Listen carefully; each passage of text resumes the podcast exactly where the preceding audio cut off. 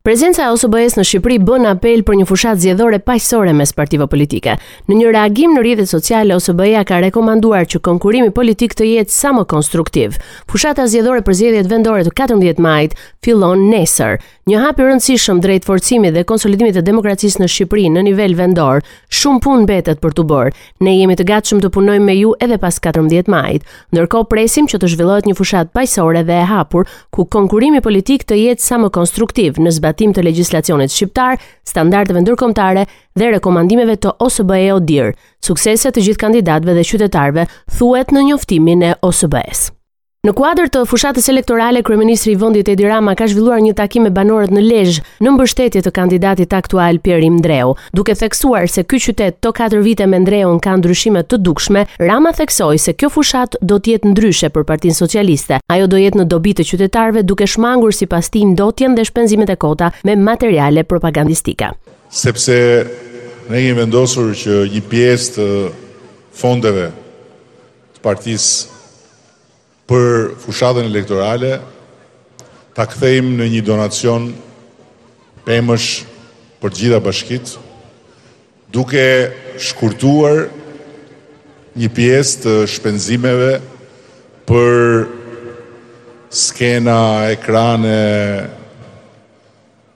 Materiale të tjera propagandistike, të cilat kushtojnë shumë, por nuk lënë asgjë pas për njerëzit edhe për qytetin, përveçse rrisin ndotjen qoftë vizuale, qoftë akustike, qoftë edhe fizike.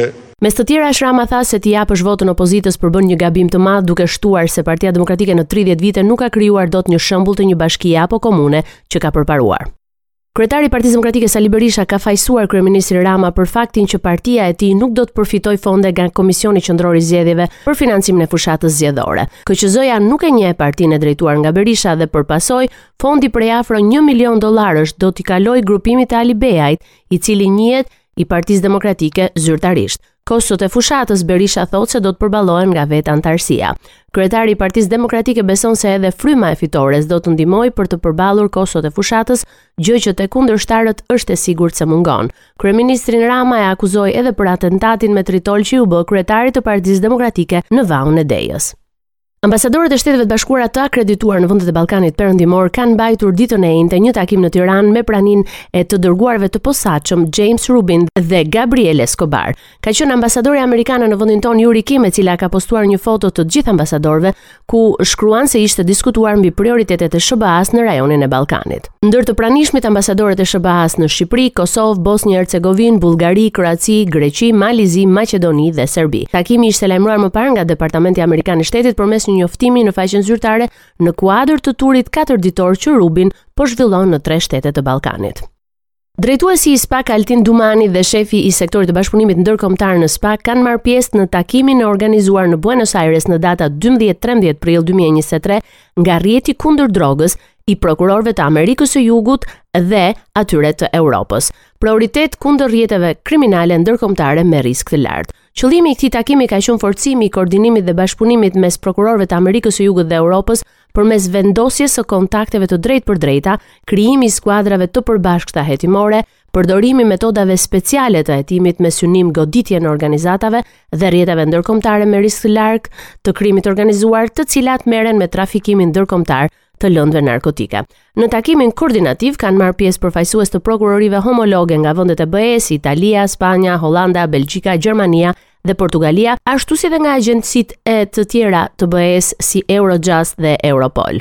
Gjithashtu, të pranishëm kanë qenë dhe përfaqësues nga prokuroritë homologe nga Amerika e Jugut, Argjentina, Brazili, Ekuadori, Kolumbia, Panamaja, Paraguai dhe Kosta Rika. Është përcaktuar formati i fletës së votimit të partive politike dhe koalicioneve që garojnë në zgjedhjet lokale të 14 majit. Renditja është përcaktuar pas një shorti të hedhur këtë të enjte në Komisionin Qendror të Zgjedhjeve. Koalicioni Bashkë Fitojmë i kryesuar nga Berisha dhe Ilir Meta do të renditet i pari në fletën që do të marrin votuesit dhe ku do të shprehin pëlqimin e tyre. Partia Socialiste renditet e dyta, ajo agrare ambientaliste e treta, republikanët e Fatmir Mediu do të jenë të renditur të katërtit, ndërsa Partia Demokratike e Alibeajt e nënta. Komisioni Qendror i Zgjedhjeve ka miratuar edhe numrin e fletëve të votimit që do të përdoren në datën 14 maj të cilat do të jenë mbi 3.3 milion. Raportoi nga Tirana për Radio SBS Gerta Heta.